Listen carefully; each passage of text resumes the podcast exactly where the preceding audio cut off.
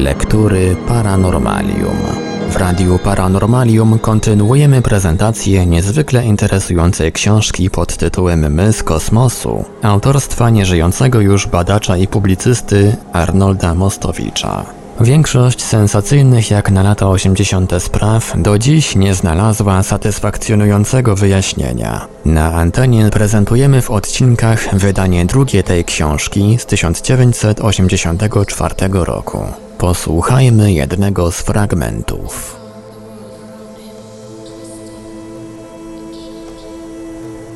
Ale przecież nie tylko technika związana z budowlami kamiennymi, jak balet gigantów czy piramidy, prowokuje do natarczywych wręcz pytań. Uczeni od dawna zauważyli, że świat starożytny sprzed czterech czy pięciu, a nawet dziesięciu tysięcy lat pokryty jest szlakami związanymi być może z handlem, ale na pewno z transportem różnych metali. W epoce kamienia Znany jest na przykład szlak cyny wiodący z Kornwali do Krety przez Lyon. Znamy też szlak złota z Afryki Południowej do Jerozolimy.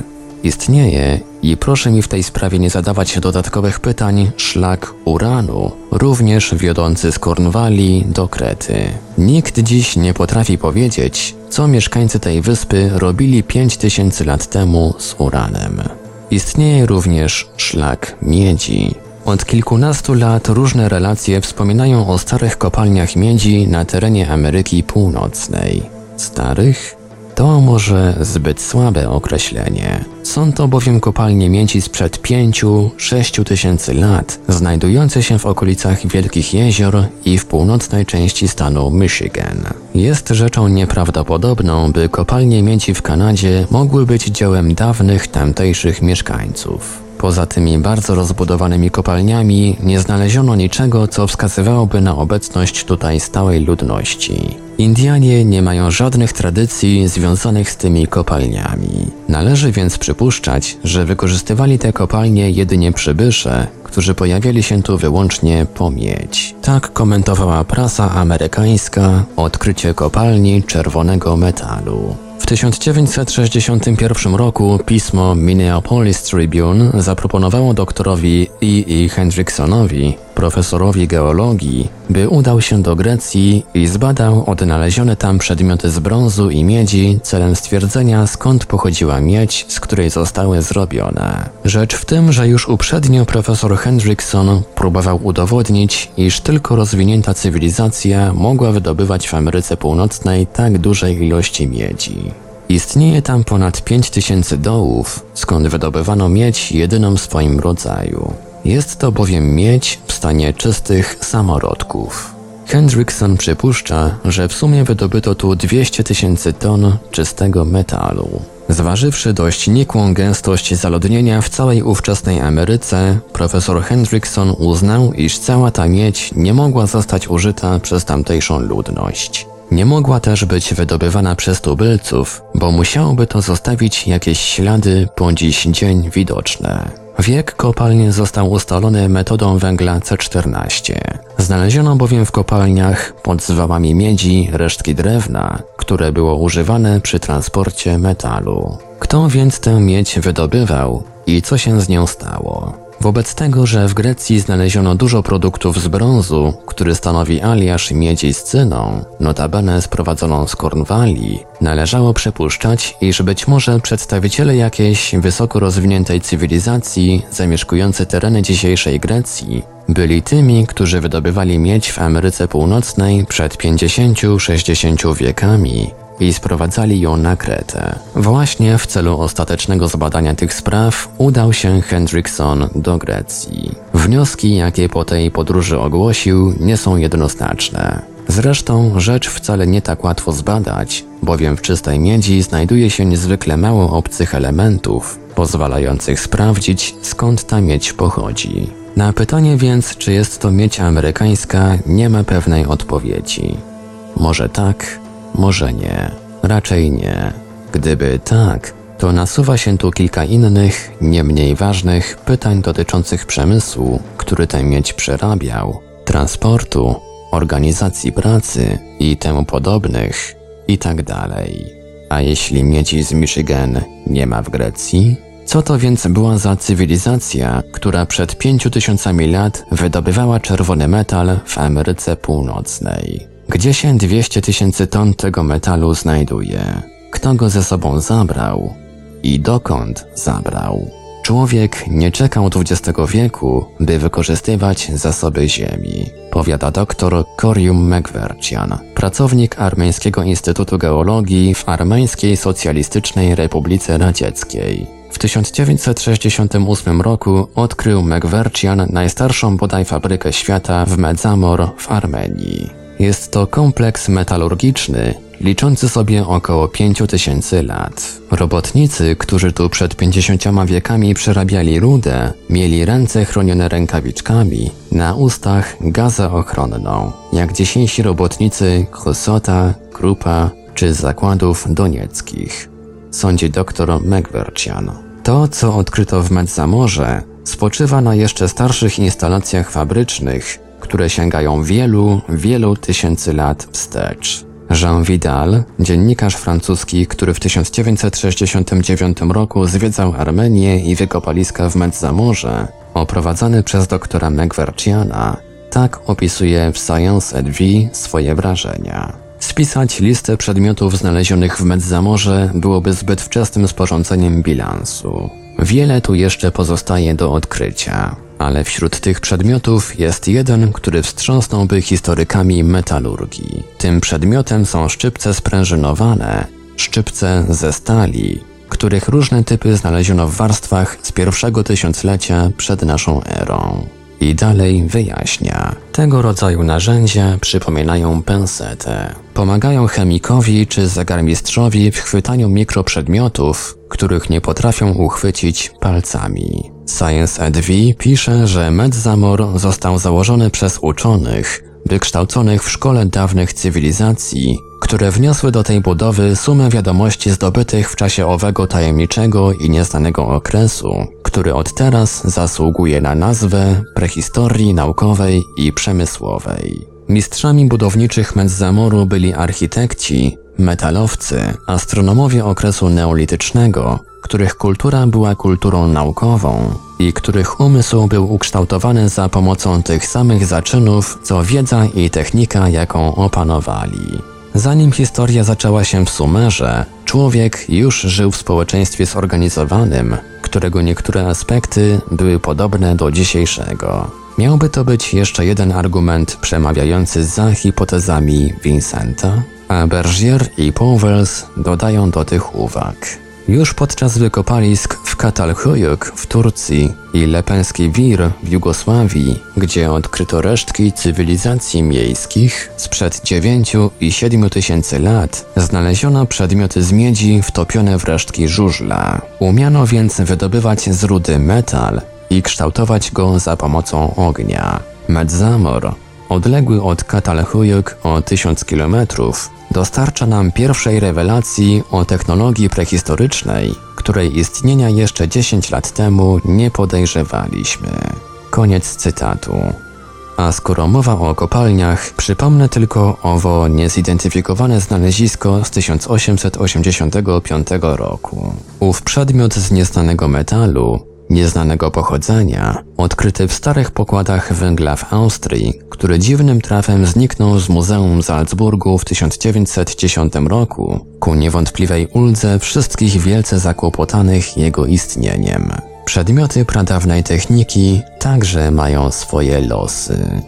Oto jeszcze jedna historia. Relacjonowałem ją w swoim czasie na łamach dookoła świata i dałem jej tytuł Niezwykłe znalezisko w Koso. Znalezisko z Koso było już przedmiotem niejednej relacji popularyzatorskiej. Niniejszy materiał oparty jest na informacji, jaką w czasopiśmie Doubt przekazał Ronald Willis. Jacques Bergier w swojej książce wydanej w 1972 roku, a poświęconej różnym niezwykłym odkryciom, uznał tę relację za jedną z najważniejszych. 13 lutego 1961 roku troje Amerykanów, Mike Maxwell, Wallace A. Lane oraz pani Virginia Maxey, właściciele sklepu z podarkami oraz kamieniami szlachetnymi i półszlachetnymi w Olancha w Kalifornii, wybrało się w pobliskie góry. Zwykli byli tam w kosą zbierać kamienie, a przede wszystkim geody. Co to są geody? Geody są to druze wypełniające w skalę wolną przestrzeń. Druze zaś są to skupienia kryształów narosłych na ścianach próżni skalnych. Geody są poszukiwane przez jubilerów, gdyż w ich wydrążeniach osadzają się zazwyczaj wcale piękne, półszlachetne kamienie. Niedaleko szczytu górskiego o wysokości 1300 metrów, który wznosi się w odległości około 190 metrów od wyschniętego łożyska jeziora Owens Lake, Znaleźli coś, co wydawało im się początkowo zwykłą geodą, chociaż na jej warstwie zewnętrznej widniały wyraźnie inkrustacje ze skamielin skorupiaków i muszli. Owe skorupki i muszle pochodzą stąd, że jak twierdzą geologowie, jakieś tysiąc lat temu w jeziorze była woda, a jej poziom sięgnął miejsca, gdzie poszukiwacze z Olancza dokonali swego odkrycia. Po powrocie do miasta, Mike Mikesel, mając nadzieję, że znajdzie w środku jakiś wartościowy kryształ, piłą diamentową przeciął ową rzekomą geodę na pół. Okazało się, że wcale mu to łatwo nie przyszło, a piła zupełnie się stępiła. I tu niespodzianka. Geoda okazała się zupełnie czymś innym, nie wiadomo tylko czym. Przede wszystkim nie była w środku wydrążona. Zamiast wydrążenia czy wklęsłości znajdowała się tam jakaś bardzo twarda substancja, rodzaj ceramiki czy porcelany. W samym środku tej ceramicznej masy widniał przekrój błyszczącego metalowego pręta o średnicy 2 mm. Przekrój całej geody wyglądał następująco. Na zewnątrz warstwa utworzona ze stwardniałej glinki, inkrustowanej kopalnymi muszlami i małymi kamyczkami. Następnie widać warstwę utworzoną z jakiejś miękkiej substancji, która wypadła podczas krojenia przedmiotu. Warstwa ta wypełnia przestrzeń widoczną w przekroju o wyraźnie sześciennym kształcie. Przypuszcza się, że tą warstwą kruchą i miękką jest drzewo. Następnie w przekroju widać cienką warstwę miedzi, która być może ma kształt spirali i dlatego jest tylko częściowo widoczna. Miedź otacza tę tak twardą warstwę ceramiczną, w której środku tkwi przekrój pręta metalowego. Ci, którzy przedmiot ten znaleźli, nie poprzestali na przekrojeniu go. Dokonali mianowicie zdjęć rentgenowskich swego znaleziska i tu dopiero okazało się, jak niezwykły okaz wpadł im w ręce. Zdjęcia rentgenowskie wyraźnie wskazały, że wewnątrz rzekomej geody znajduje się skomplikowany przedmiot metalowy przecięty na pół. Sam pręt zakończony jest czymś w rodzaju sprężyny i wydaje się, że wszystko razem stanowi jedynie część jakiegoś większego urządzenia. Na podstawie zdjęć rentgenowskich specjaliści starali się odtworzyć ów przedmiot. Okazało się, że przypomina on bardzo współczesną świecę zapłonową.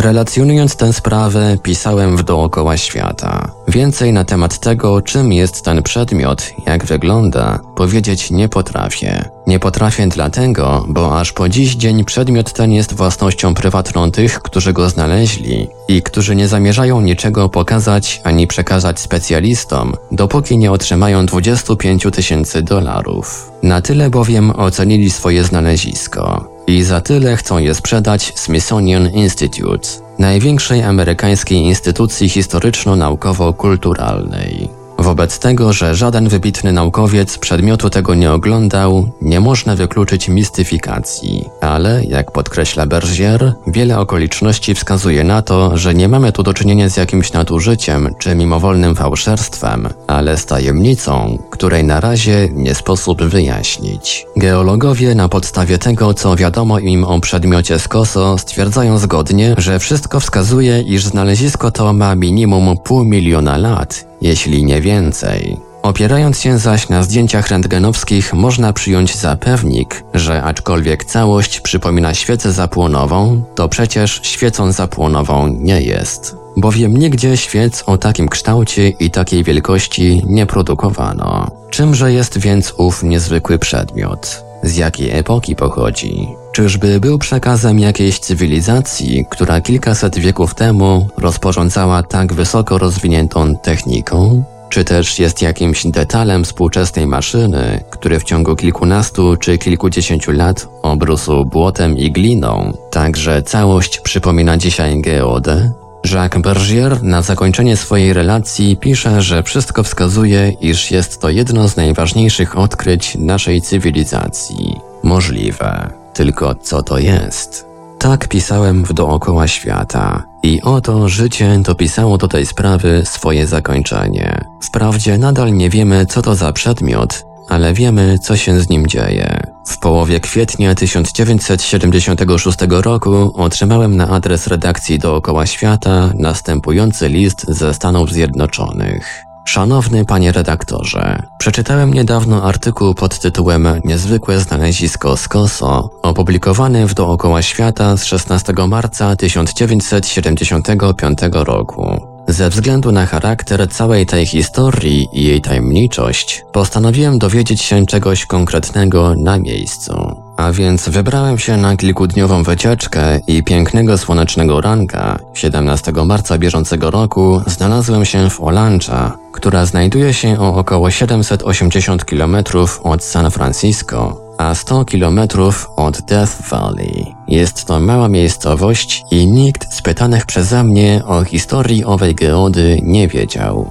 W końcu okazało się, że kierowniczka poczty, starsza już pani, nie tylko znała całą tę historię, ale i jej bohaterów. Niestety nikt z tej trójki już nie mieszkał w Olancha, ale pani Virginia Maxey Olmeyer, bo tak się teraz z męża nazywa, po telefonicznym skontaktowaniu się z nią zaprosiła mnie do siebie, do Lone Pine, około 40 km od Olancha. Od niej dowiedziałem się epilogu tej niezwykłej sprawy. Jeden z jej bohaterów, Mike Maxwell, umarł kilka lat temu, drugi mieszka nad granicą meksykańską. Sklep z kamieniami sprzedali. Jeśli idzie o owo znalezisko, to rok temu na sugestie pana Lane, a za jej zgodą oddali je bezinteresownie Uniwersytetowi w Reno w Nevadzie z prośbą, aby zbadano dokładnie, co to jest. Dotychczas na to pytanie nie mają odpowiedzi. Pani Ulmayer tak zainteresowała się tym artykułem w dookoła świata, że zrobiłem jej z tego artykułu odbitkę. Drugą załączam z podpisem bohaterki na dowód, że nie zmyślam. Stwierdziłem dwie niedokładności w tej historii. Po pierwsze, jej bohaterowie nie byli młodymi poszukiwaczami, tak napisałem, przypis od Arnolda Mostowicza, a po drugie nieprawdą jest, że zażądali za to znalezisko 25 tysięcy dolarów. Pozostaje z poważaniem Władysław Chciuk, San Francisco. Tyle tylko mogę przekazać czytelnikom, których ciekawią zapewne dalsze losy znaleziska z Koso. Przyznam, że trochę przypominają one historię owej obrobionej bryły metalowej znalezionej przez doktora Goweta w Niemczech. Mogę się założyć, że za parę lat okaże się, iż geoda z Koso gdzieś się zapodziała. Pradawna technika i jeszcze dawniejsza wiedza. Ile śladów pozostawiły i jakże, mimo wszystko, niewielu uczonych po tych śladach krąży. W 1930 roku pewien niemiecki inżynier Wilhelm Koenig zwiedzał piwnicę Muzeum Bagdackiego. Znalazł tam skrzynię zawierającą różne, niezidentyfikowane przedmioty kultu, a wśród tych przedmiotów znalazł coś, co przypominało najautentyczniejszą baterię elektryczną, zaopatrzoną we wmontowane w nią elementy z żelaza oraz cylinder z miedzi. Za izolację służyły ścianki z asfaltu. Wystarczyło tylko nalać elektrolit. Baterią zainteresował się Uniwersytet z Pensylwanii. Tamtejsi uczeni w całej pełni potwierdzili przypuszczenia Keniga. Jest to niewątpliwie bateria elektryczna. Nie budzi również wątpliwości jej wiek około 2000 lat.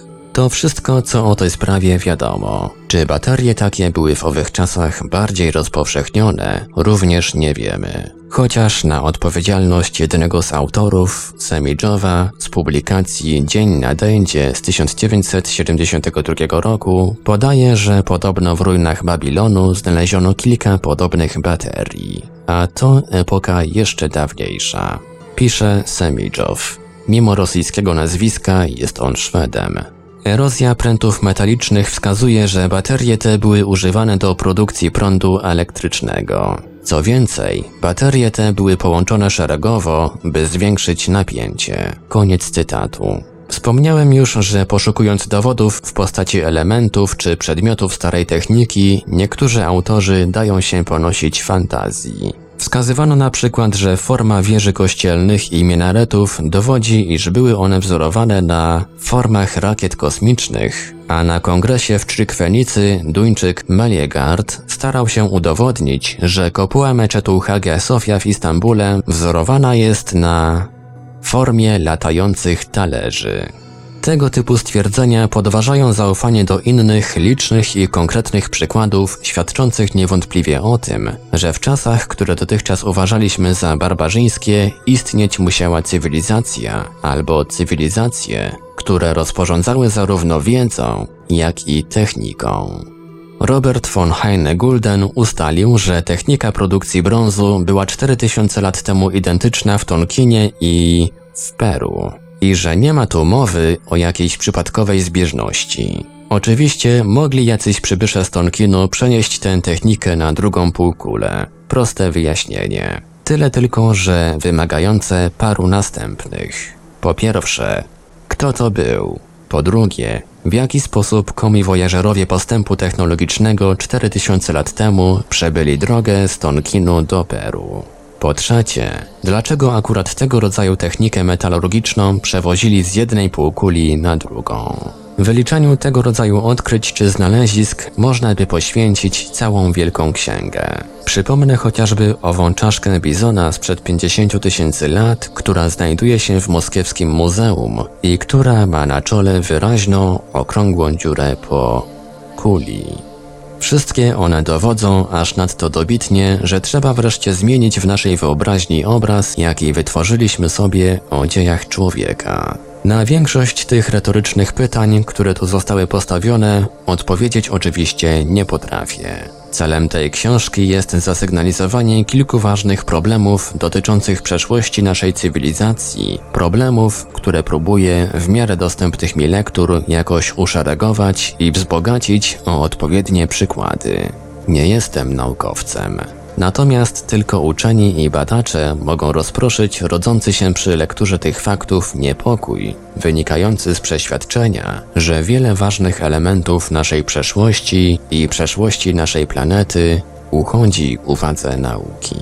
Tylko, powtarzam, uczeni mogą ten niepokój rozproszyć, ale przecież nie bezpłodną negacją. Nasuwa mi się tutaj jeszcze jeden przykład. Przykład Chin starożytnych. Od czasu do czasu obiegają świat wiadomości o odkryciach, jakich ponoć dokonują obecnie tamtejsi uczeni. Odkryciach, które dowodzą niewiarygodnej wprost wiedzy abstrakcyjnej, na przykład w dziedzinie matematyki, czy konkretnej, jak w dziedzinie chemii, którą dysponowali przed tysiącami lat mieszkańcy tego kraju. Niestety sprawdzenie tych informacji jest możliwe tylko w nielicznych wypadkach. Uczony pekiński, profesor Tsi Penlao, ogłosił w swoim czasie, że w górach Unan, jak też na jednej z wysp jeziora Tongting, odkryto płaskorzeźby granitowe przedstawiające postaci humanoidalne, odziane w skafandry wraz z czymś, co przypomina aparat do oddychania. Istoty te przedstawione są albo na ziemi, albo na powierzchni jakichś przedmiotów o kształtach cylindrycznych, unoszących się w powietrzu. To samo źródło podało, że płaskorzeźby te mają około 40 tysięcy lat. Nie wiadomo jak wiek ten został ustalony. Nie przedstawiono też niestety fotografii tych płaskorzeźb, także trudno się w tej sprawie wypowiedzieć. Na żaden z listów przesłanych przez europejskich kolegów profesor Tsi Lao nie odpowiedział.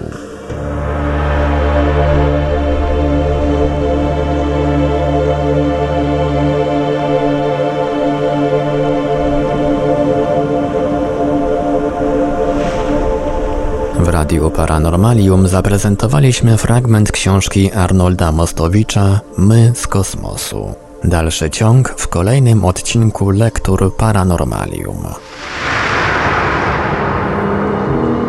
Archiwalne odcinki Lektur Paranormalium znajdziesz do pobrania w archiwum naszego radia na stronie www.paranormalium.pl.